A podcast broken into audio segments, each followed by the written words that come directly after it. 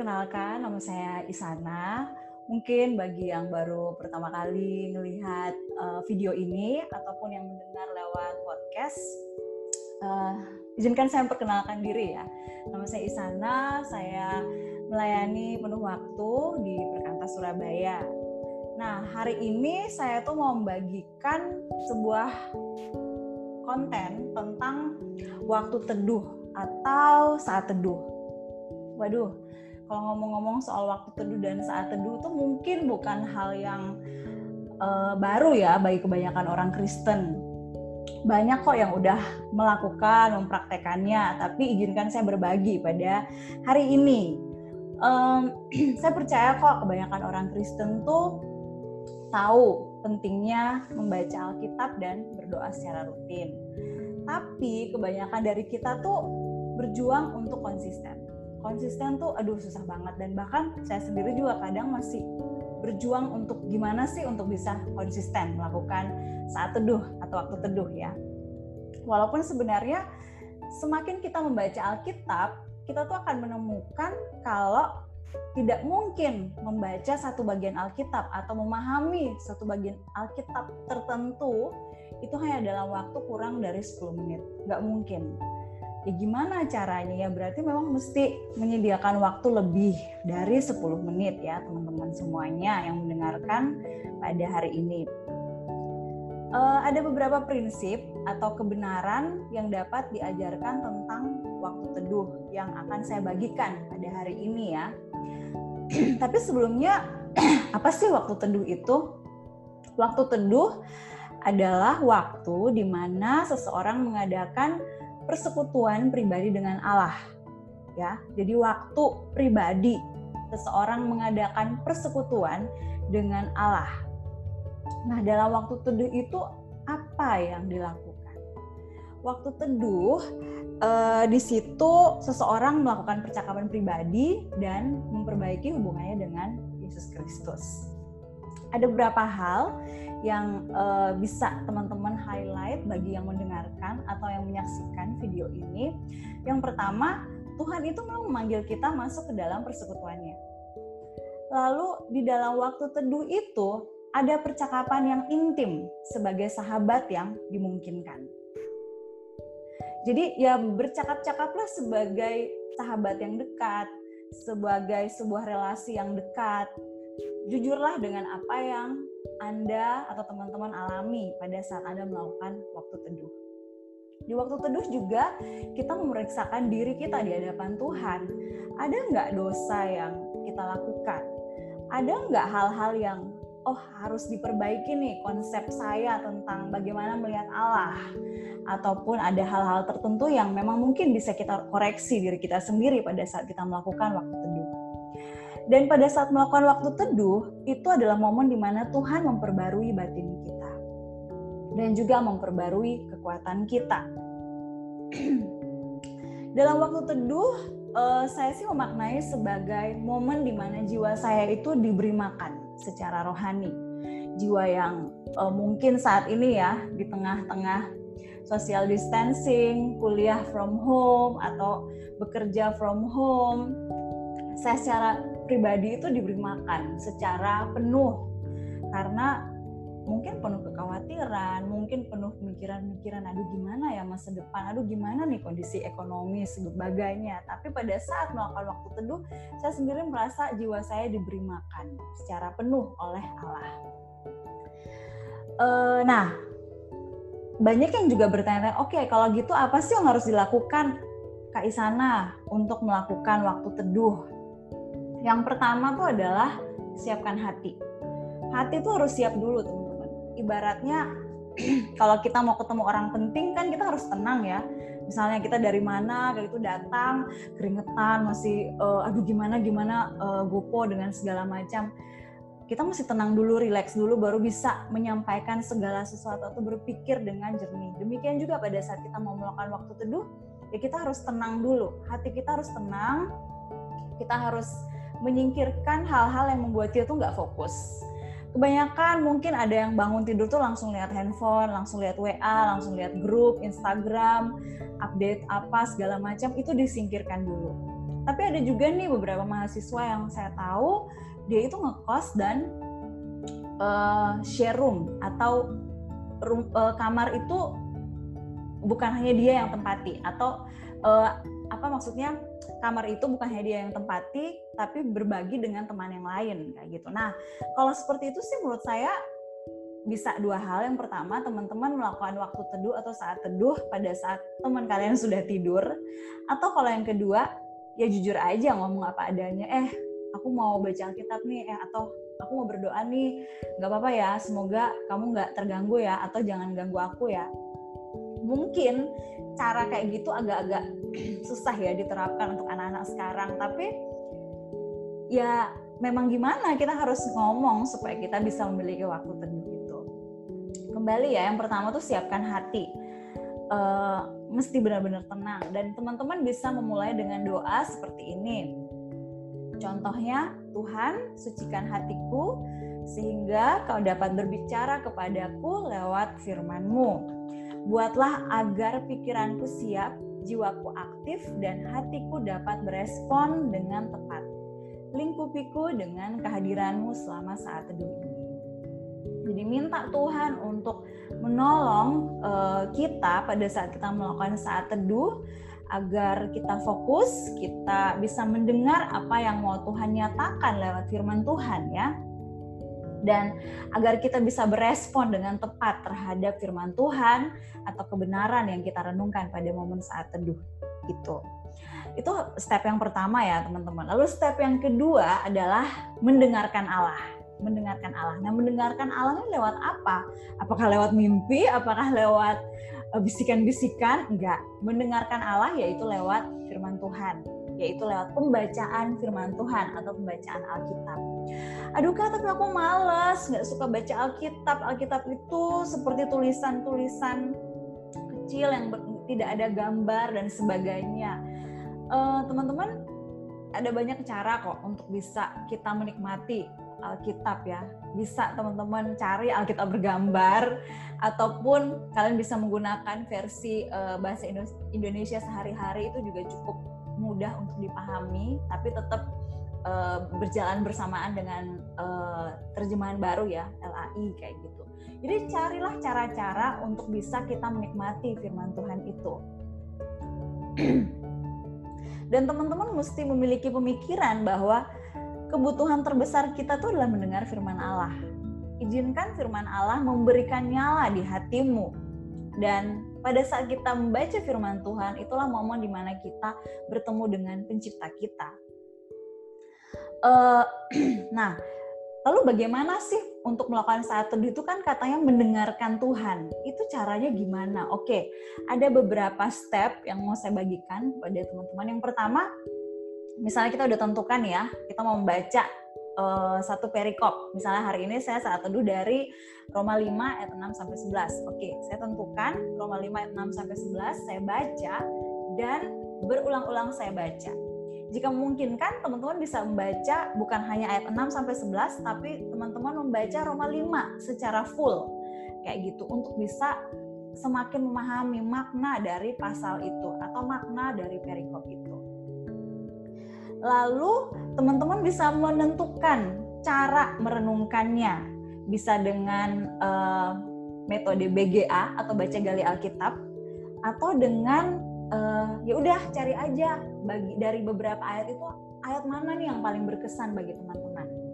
Atau ada nggak ayat-ayat kunci dari uh, beberapa ayat tersebut. Ini poinnya agar terbiasa dulu ya, terbiasa dulu untuk melakukan waktu teduh. Dan poin yang ketiga adalah jangan lupa untuk menuliskan hasil perenungan atau menuliskan kebenaran-kebenaran yang diperoleh. Saya percaya banget pada saat seseorang merenungkan firman Tuhan, ada kebenaran yang kita renungkan, ada aja yang kita dapatkan. Nah, insight-insight itu jangan lupa ditulis, teman-teman. Karena itulah berkat rohani dari Tuhan sendiri dan otak kita ini tidak mudah untuk mengingat saat teduh kita. Misalnya tahun lalu di tanggal 21 April hari ini yang 21 April 2019 apa yang kita ingat. Nah, itu agak susah ya untuk kita terus ingat tapi dengan mencatat itu sangat baik. Kalau saya saya mencatat dan saya ada uh, folder-folder saya taruh di handphone, saya catat di handphone, lalu saya pindahkan ke laptop supaya saya ada nih folder-foldernya untuk setiap tahun, setiap bulan. Jadi bisa kita telusuri nih perjalanan hal-hal yang Tuhan bicara kepada kita secara pribadi lewat mencatat. Nah, untuk bisa semakin memahami apa yang kita uh, renungkan, apa yang kita baca, ada beberapa pertanyaan penolong. Sehingga kita tuh bisa fokus tidak oh tiba-tiba kepikiran tugas atau kepikiran dosen. Enggak ya. Jadi e, bisa ada beberapa pertanyaan penolong. Yang pertama apakah firman Tuhan yang saya baca itu berisi janji Tuhan yang harus saya imani janjinya apa jadi coba cari ada nggak janji tertentu yang memang saya dapat dari pembacaan firman Tuhan itu atau ada nggak teguran yang harus saya waspadai ada nggak teguran yang harus saya waspadai? Nah itu teman-teman bisa uh, cari. Yang ketiga, apakah firman itu berisi teladan sikap tokoh-tokoh Alkitab yang perlu saya teladani? Teladan apa yang perlu saya cermati?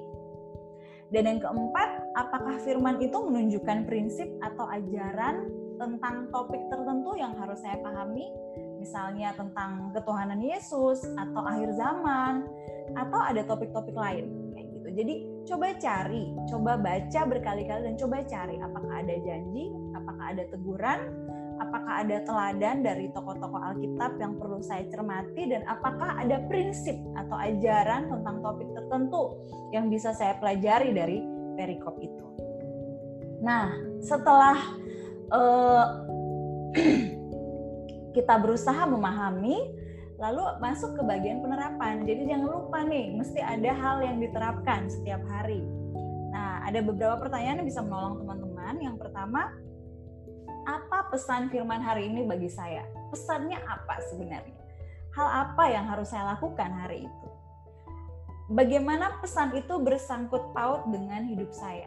Koneksinya apa? Apakah saya perlu meninggalkan kebiasaan buruk tertentu Apakah ada perintah Tuhan yang selama ini belum saya lakukan?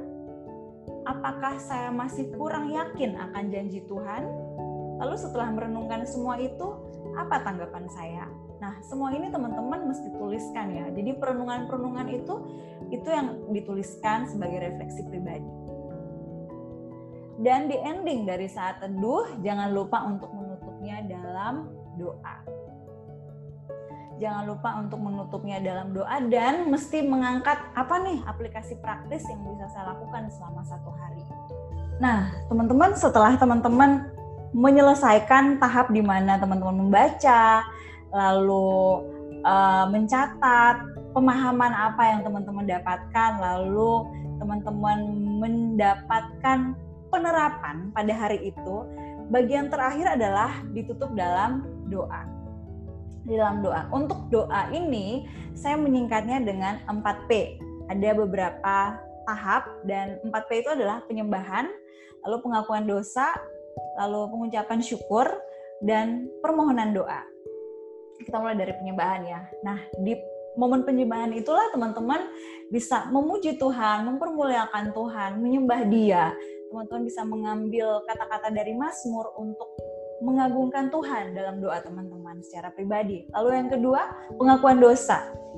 Saya percaya bahwa tidak ada celah yang tidak dilihat oleh Tuhan. Di momen inilah mintalah pengampunan untuk dosa-dosa yang sudah kita lakukan berdasarkan firman Tuhan yang direnungkan tadi ya.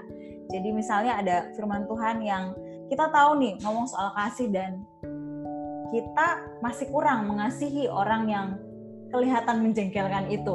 Nah, di momen pengakuan dosa ini kita mohon ampun pada Tuhan karena kita belum bisa menunjukkan kasih yang nyata kepada orang yang bagi kita sulit untuk dikasihi. Itu contohnya ya. Lalu P yang ketiga adalah pengucapan syukur. Pikirkan beberapa atau doakan hal-hal spesifik yang teman-teman syukuri. Contohnya keluarga yang masih sehat, lalu pekerjaan, lalu sekolah atau kuliah Anda, lalu orang-orang di mana orang-orang yang menolong pertumbuhan spiritualitas teman-teman.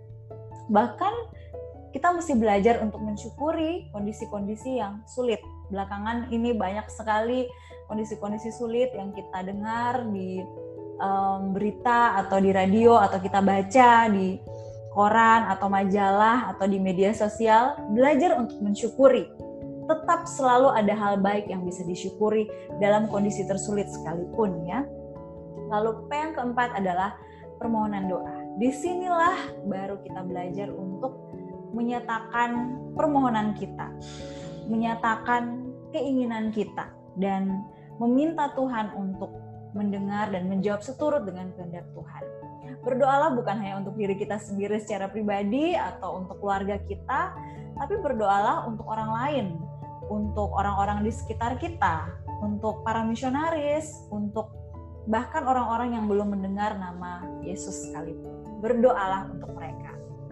Nah, uh, itu penjelasan tentang waktu teduh atau saat teduh. Kembali ke di awal dari video ini atau podcast ini, saya sempat mengatakan bahwa saya percaya bahwa kebanyakan orang Kristen percayalah dan tahu pentingnya untuk membaca Alkitab rutin atau saat teduh rutin atau berdoa rutin. Tapi problem kebanyakan adalah dalam melakukannya dengan konsisten atau konsistensi. Dan beberapa waktu lalu saya sempat bertanya kepada beberapa mahasiswa yang saya layani, kalian ada nggak pertanyaan-pertanyaan tentang saat teduh? Dan mereka ada yang bilang, iya nih gimana ya kak untuk bisa konsisten saat teduh? Atau gimana ya Kak untuk melawan kemalasan untuk bersaat teduh? Nah, model-model pertanyaan itu tuh lumayan mirip ya teman-teman.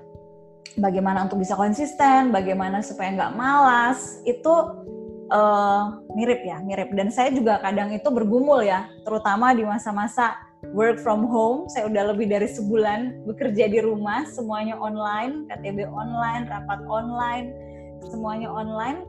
Agak keteteran maksudnya itu yang terbiasa bangun pagi dan beraktivitas di luar rumah ini sekarang bangun pagi dan semua itu di rumah bangun dan semua di rumah jadi agak-agak bingung pada saat awal-awal mengatur ritme hidup kayak gitu nah poin ini saya kembalikan lagi kepada kita semua kayak gitu pertanyaan yang paling penting adalah jam berapa anda bangun setiap pagi penting nih untuk dipikirkan. Jam berapa Anda bangun setiap pagi? Ya. Apa yang teman-teman lakukan langsung pada saat teman-teman bangun pagi, main HP, balas WA atau apa kayak gitu ya. Kenapa penting mengevaluasi? Karena hal-hal ini sangat besar perannya untuk menarik minat dan perhatian kita sehingga kita uh, sangat mudah untuk terdistraksi dari Tuhan setiap pagi. Bayangin kalau pagi-pagi bangun kita langsung lihat uh, Instagram dan kita lihat apa gitu berita wah ini menarik ya langsung di browsing dicari link-link dan sebagainya dan akhirnya dibaca dan eh ternyata udah sejam. Eh dan ternyata setelah sejam itu kita ada kuliah online yang harus segera kita ikuti berarti harus langsung mandi makan dan sebagainya. Jadi hilanglah waktu untuk melakukan saat teduh itu. Nah ada seorang pernah mengucapkan perkataan yang baik sekali ya teman-teman. Kata-katanya gini, berapa besar kasih seseorang kepada Tuhan? Pertama dapat dilihat dari pilihannya antara tempat tidur dan Tuhan. Anda lebih mengasihi tempat tidur ataukah lebih banyak mengasihi Tuhan? Orang yang lebih mengasihi tempat tidur akan tidur lebih lama lagi. Jika lebih mengasihi Tuhan, dia akan bangun lebih pagi lagi kita harus memilih lebih mengasihi tempat tidur atau lebih mengasihi Tuhan. Kita harus memilih. Saya ulangi ya, lebih mengasihi tempat tidur atau lebih mengasihi Tuhan. Jika teman-teman lebih mengasihi Tuhan, teman-teman harus belajar untuk bangun lebih pagi. Kenapa sih orang Kristen harus bangun pagi-pagi? Ya karena pagi hari adalah waktu yang terbaik untuk berjumpa dengan Tuhan. Ada begitu banyak uh, teks di Alkitab yang mengatakan Yesus itu juga menggunakan waktu yang pagi-pagi benar untuk berdoa, untuk bersekutu dengan Tuhan. Apalagi kita, manusia ya. Apalagi kita yang saat ini. Nah, banyak saudara-saudari karena bangunnya terlalu terlambat, keadaan rohani itu tidak baik. Banyak orang yang telah membuang waktu bertahun-tahun namun masih tidak bisa menjadi orang Kristen yang baik ini dikarenakan bangunnya terlalu terlambat. Kita pernah menemukan orang-orang yang tidak pernah menemukan ya, maksudnya kita tidak pernah menemukan orang yang pandai berdoa bangunnya terlambat. Jadi orang-orang pendoa itu biasanya bangunnya pagi-pagi sekali. Kita juga tidak pernah mengenal orang yang mempunyai persekutuan yang intim dengan Tuhan bangunnya terlambat. Semua orang yang mengenal Allah selalu bangun pagi dan datang ke hadirat Tuhan untuk bersekutu. Amsal 26 ayat 14 berkata, seperti pintu berputar pada engselnya, demikian si pemalas di tempat tidurnya. Jadi di sini mengatakan kalau orang malas itu di tempat tidurnya seperti pintu yang berputar pada engselnya. Orang yang malas terus berputar di tempat tidurnya, tidak meninggalkan tempat tidurnya. Nah, lalu muncul pertanyaan, bagaimana untuk bisa bangun pagi? Bagaimana? Ya sebenarnya cukup simpel ya. Untuk bangun pagi ya, hal pertama yang harus teman-teman lakukan adalah tidur malamnya mesti lebih awal. Tidur malamnya lebih awal. Jika teman-teman tidurnya larut di malamnya, untuk berharap bisa bangun pagi itu agak kecil ya kemungkinan, agak kecil kemungkinan. Dan bahkan saya tahu beberapa orang itu yang semenjak work from home atau school from home ini insomnia jadi nggak bisa uh, tidak bisa tidur awal. Jam 10 jam 11 tuh nggak ngantuk. Biasanya itu tidurnya malah pagi subuh. Bisa bayangkan bangunnya keesokannya itu gimana ya? Kalaupun bangun pun tapi mungkin pusing. Kalau tidak terbiasa uh, dengan ritme hidup seperti itu mungkin pusing ya, agak nggak fokus atau bisa juga sakit kayak gitu. Karena tidurnya nggak cukup. Ya, jadi yang pertama adalah ya memang mesti berjuang supaya bangun eh, tidurnya itu lebih awal. Jam 10, jam 11 saya udah maksimal jam 11 ya saya tidur. Yang kedua, janganlah taruh standar yang terlalu tinggi. Ada yang udah besok saya mau bangun pagi, tapi standarnya langsung jam 3 atau jam 4 akhirnya malah nggak berjalan ya lebih baik tuh mengambil jalan tengah yaitu ya udahlah yang realistis aja jam 5 atau jam 6 adalah waktu yang paling tepat. Kalau terlalu pagi mungkin itu nggak bisa bertahan malah untuk bisa uh, bangun paginya. Lalu yang ketiga mesti belajar memelihara kebiasaan itu. Pada mulanya mungkin agak sulit ya teman-teman. Sebelum menjadi satu kebiasaan, teman-teman harus minta kepada Tuhan untuk memberikan karunia supaya teman-teman mempunyai kebiasaan ini.